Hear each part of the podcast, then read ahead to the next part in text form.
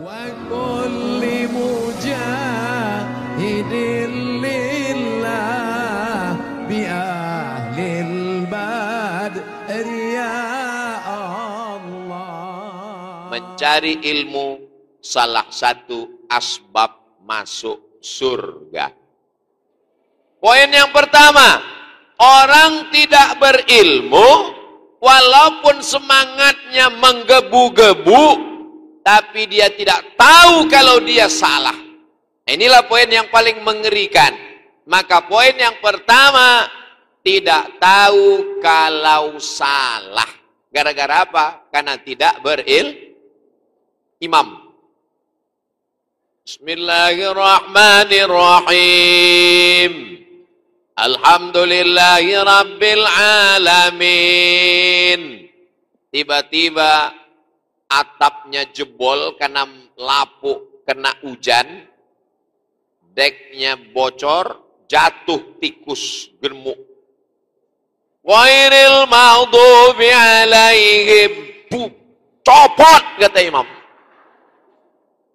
Makmumnya dua di belakang. Makmum yang pertama ikut juga latah. Copot juga. Kata makmum yang kedua. Untung saya nggak ngomong. Tiga-tiganya batal. Ibadahnya luar biasa. Sholatnya dalam masjid. Berjamaah. Tapi tidak tahu bahwa ibadahnya sudah ba batal. Mestinya kalau tikus itu jatuh bagaimana? Ya diam aja. Tapi kalau dia latah, ya dia bertakbir. Yang belakang, kalau imamnya latah, dia katakan copot. Maka mestinya yang di belakang itu maju menggantikan imam. Karena imamnya sudah batal, maka yang satu maju. Si imam pun tahu diri bahwa dia sudah batal.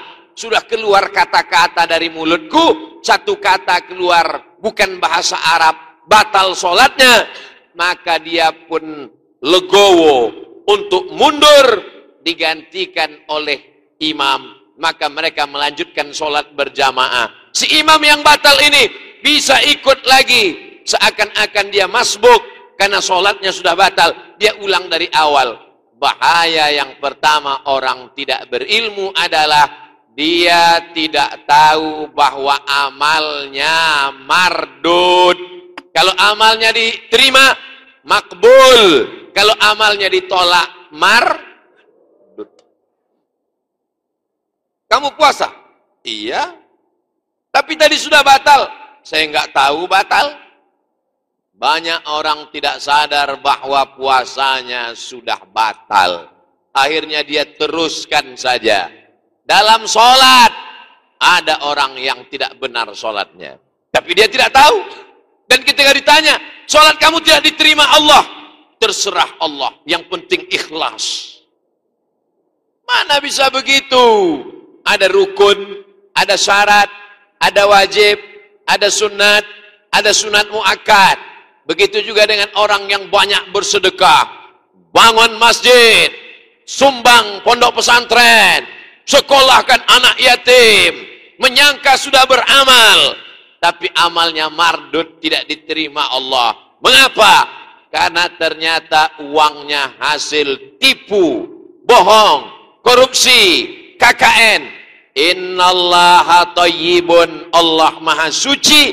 La yaqbalu illa tayyiban. Allah hanya menerima yang suci-suci saja. Ini banyak orang sekarang beramal tapi dia tidak tahu bahwa amalnya itu sia-sia. Habaan mansura. Seperti debu yang dihembus angin. Ambil debu letakkan di telapak tangan Begitulah amalnya tak diterima di hadapan Allah Subhanahu wa taala. Kamu korupsi. Iya, Pak. Korupsi itu kan haram. Sudah saya halalkan, saya keluarkan zakat 2,5 persen. Pandai pula dia menghalalkannya. Innallaha la yaqbalu.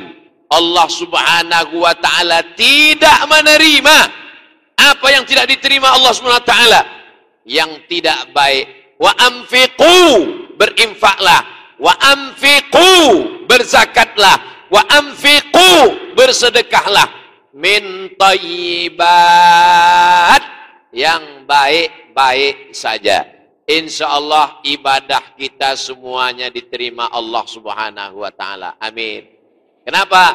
Karena sudah ngaji haul RW 02 yang kelima.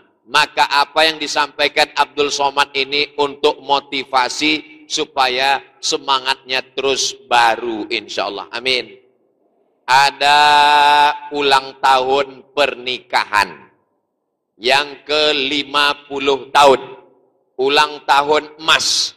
Ulang tahun emas itu yang ke-50 tahun. Kalau nikahnya umur 20, ulang tahun pernikahan yang ke-50 berarti itu pasangan tua, ompong, peot. Mohon maaf, jangan tersinggung. Yang ceramah Abdul Somad. Saya memang betul-betul pernah diundang acara ulang tahun pernikahan yang ke-50. Pertanyaan saya, apakah setelah ulang tahun pernikahan itu kedua pasangan ini jadi pengantin baru? Tidak, tetap tua. Lalu untuk apa diperingati? Membangkitkan semangat ba, semangat baru. Itu tujuan haul ini. Supaya nanti kalau ada yang nanya, dari mana tadi? Dari tablik akbar bersama Ustadz Abdul Somad. Acaranya apa? haul yang kelima. Apa makna haul itu? Itu maknanya sudah satu periode menuju periode kedua. Membangkitkan semangat baru. Supaya setelah satu tahun ini, pada pertemuan kajian-kajian di masa akan datang. Datang, duduk, dengar, diam. Jurus ngaji, nggak usah banyak-banyak. 4D. Datang, dengar, duduk, diam. Ngantuk-ngantuk dikit diampunkan Allah Subhanahu taala. Saya kalau tausiah itu mata saya ke mana-mana. Ke kanan, ke kiri, ke depan, ke belakang. Saya ngelihat berapa orang yang nguap. Kalau nguap, saya bacakan ayat-ayat rukyah. Jadi nanti kalau ditanya, berapa yang disampaikan Ustaz Abdul Somad? Lima. Poin yang pertama, kalau tidak ngaji, orang tidak tahu bahwa amal dia mardud. Sallallahu ala Muhammad. Sallallahu alaihi wasallam. Sallallahu ala Muhammad sallallahu alaihi wasallam ya nabi salam alaika ya rasul salam alaika ya habibi salam alaika salawatullah alaika itu cara ngetes mikrofon yang dapat pahala. Banyak orang sekarang ngetes mikrofon nggak pakai ilmu. Tes, tes, tes. Satu, dua, tiga. Itu nggak ada pahalanya. Jadi nanti ibu kalau disuruh ngetes mikrofon.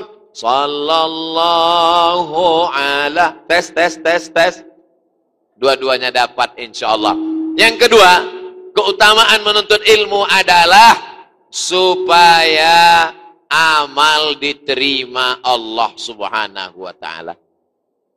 Yang pertama tadi Pak Ustadz, amalnya banyak tapi tidak diterima. Yang kedua adalah supaya amalnya diterima, maka dia menuntut ilmu. Ilmu mikrofon. Ini Abdul Somad nggak punya ilmu mikrofon. Ilmu kameramen. Inilah kameramen yang luar biasa. Dia bebas melakukan apa saja. Karena dia punya ilmu. Yarfa'illahu alladhina amanu.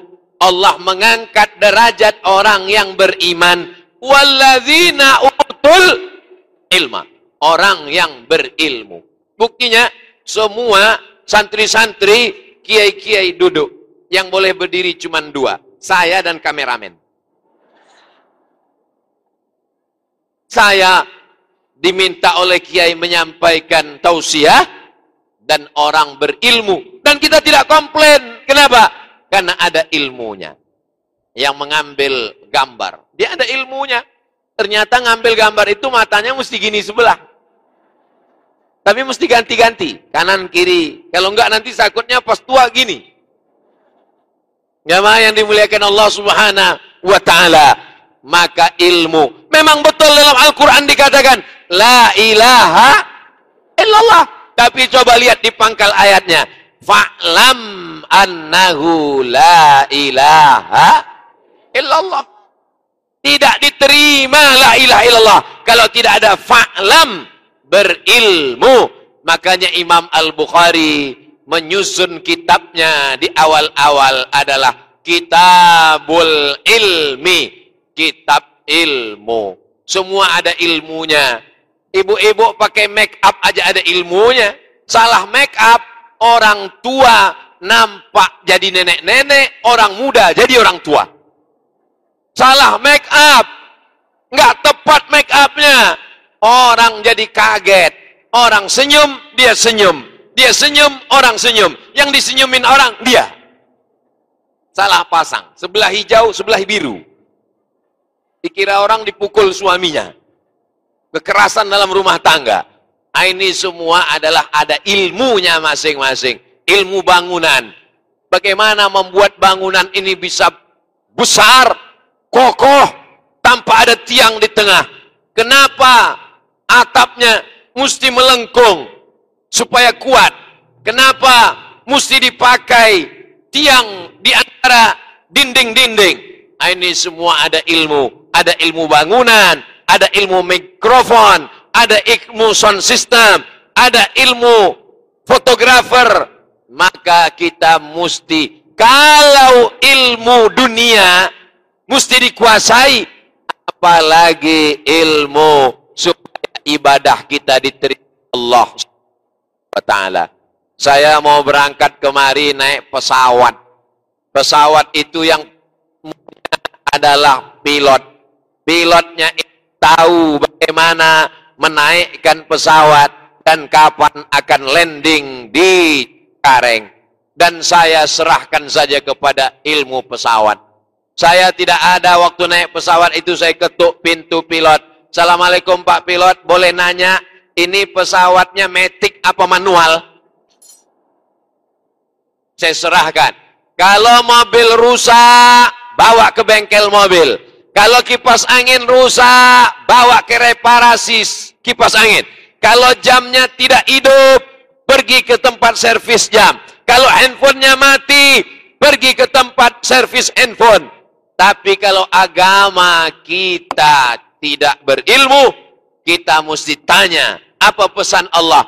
Fas'alu ahla dzikri. Tanya orang yang berilmu, in kuntum la ta'lamun. Kalau kamu tidak tahu. Alhamdulillah, pondok pesantren yang megah, yang mewah, yang besar. Ini kedatangan saya yang kedua disambut oleh Kiai Mukti. Mudah-mudahan anak-anak kita betah tinggal di pondok pesantren.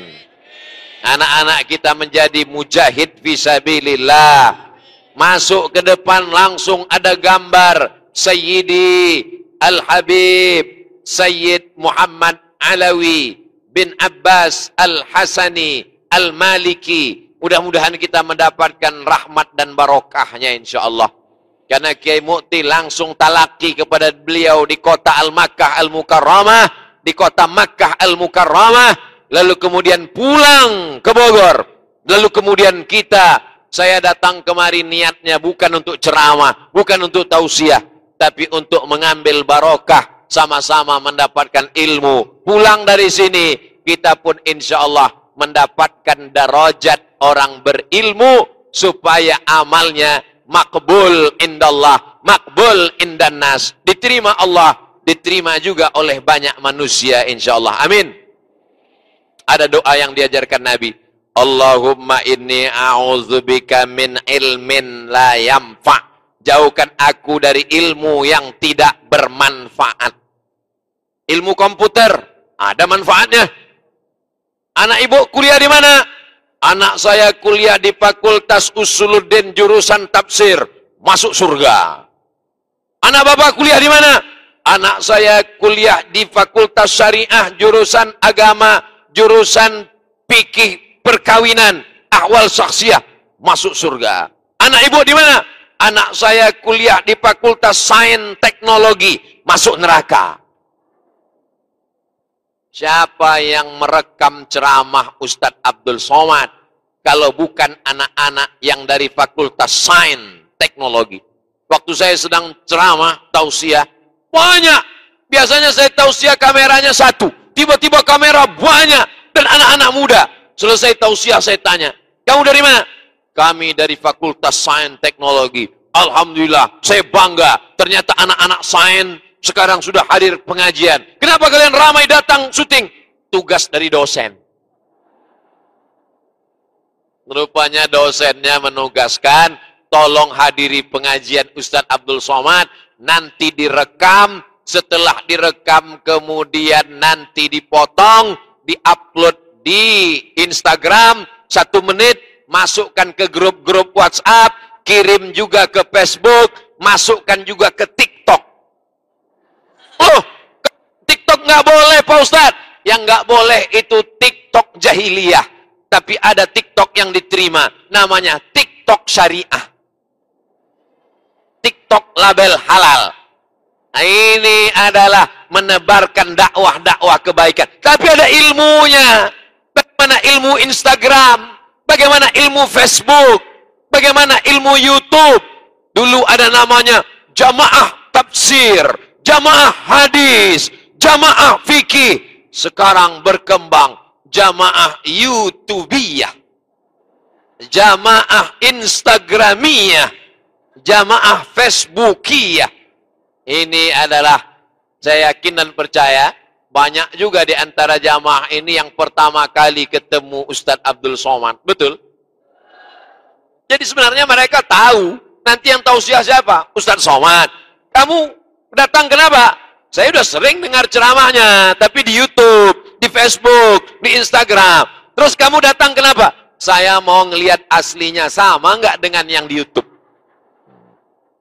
Ternyata sama. Makanya Kiai tidak ada pasang fotonya. Yang dipasang foto saya besar-besar. Saking besarnya lubang hidung sebesar terowongan Mina. Begitulah penghormatan Kiai hari ini. Ini ilmunya. Mencetak foto ini juga mesti ada ilmunya. Di beberapa tempat pernah saya tahu sih ya, saya lihat fotonya hitam. Padahal saya enggak terlalu hitam. Orang yang tidak ada ilmu dia akan bertanya-tanya, kenapa waktu Ustaz Somad tausiah mesti dipasang lampu tujuh? Ini kan siang, ini kan bukan malam. Kita hitung lampunya berapa? 1, 2, 3, 4, 5, 6, 7, 8, 9, 10, 11. Kenapa mesti ada lampu sampai 11? Orang yang nggak berilmu bilang mubazir. Saya jelaskan. Lampu ini dipasang supaya wajah Ustadz Somad kelihatan putih.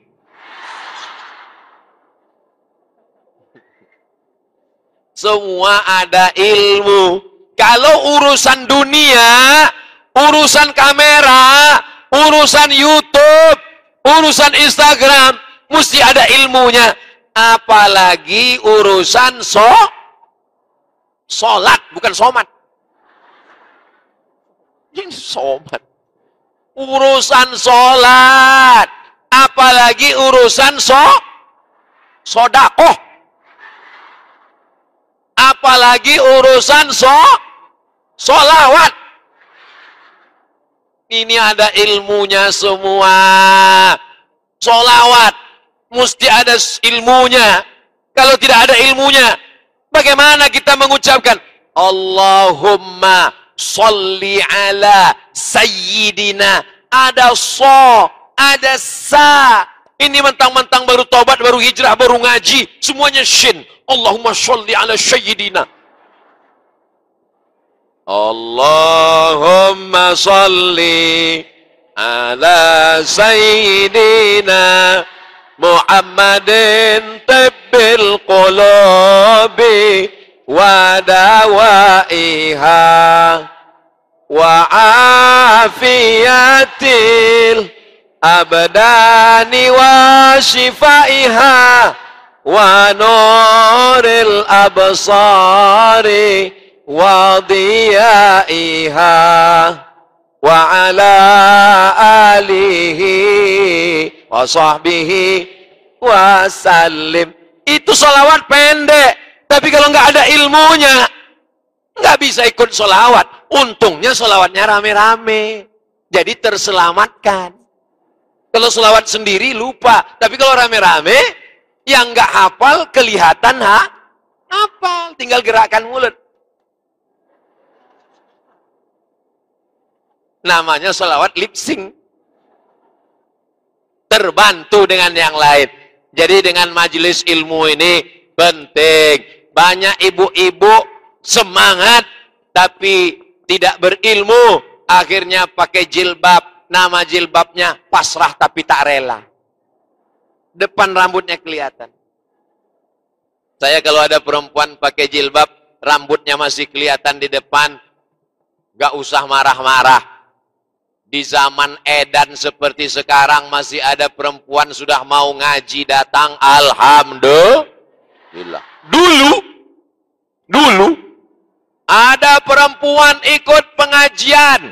Rambutnya seperti sarang tawon. Ditutup pakai kerudung dikit aja. Nama jilbabnya minimalis.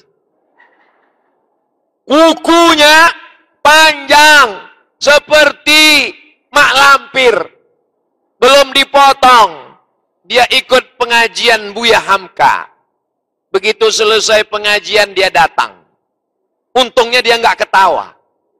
Bayangkan kalau rambutnya seperti sarang tawon, kuku panjang, lalu kiki kiki. Dia ngomong, Buya, saya belum bisa potong kuku, belum bisa ngilangin kutek. Buya nggak marah. Apa kata almarhum Buya? Nanti kalau imanmu menebal, kutekmu menipis. Nanti kalau imanmu memanjang, kukumu memendek. Jadi orang tidak boleh kita usir kalau dia masih dalam proses taubat hijrah. Mudah-mudahan dengan berlanjutnya, maka insya Allah taubatnya diterima Allah subhanahu wa ta'ala.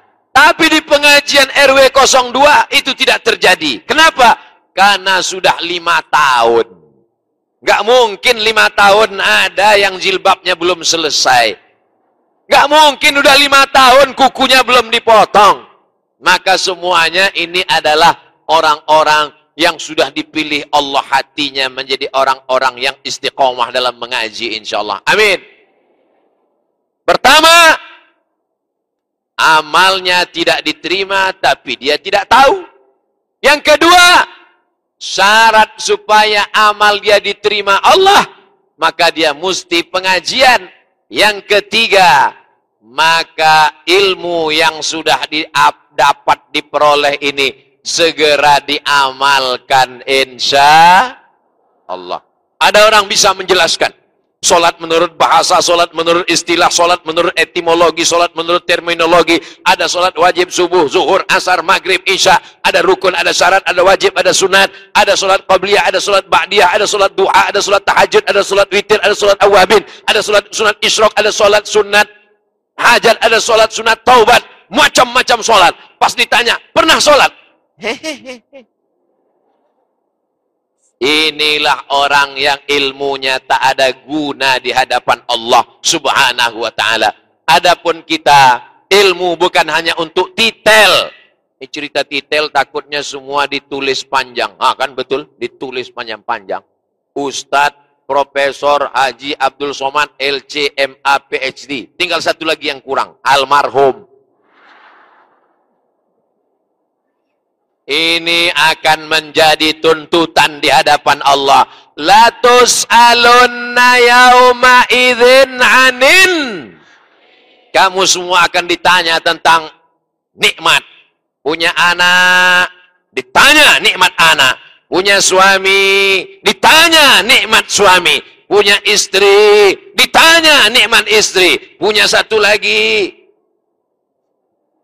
Saya sekedar mancing aja.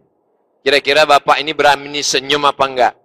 Ternyata berapa berani senyum. Saya heran, ibunya ada, kenapa berapa berani senyum? Ternyata ada tenda di antara kita. Bapak Ibu yang dimuliakan Allah Subhanahu wa taala, mudah-mudahan ilmu yang selama lima tahun ini kita dapatkan, kita amalkan. Amin.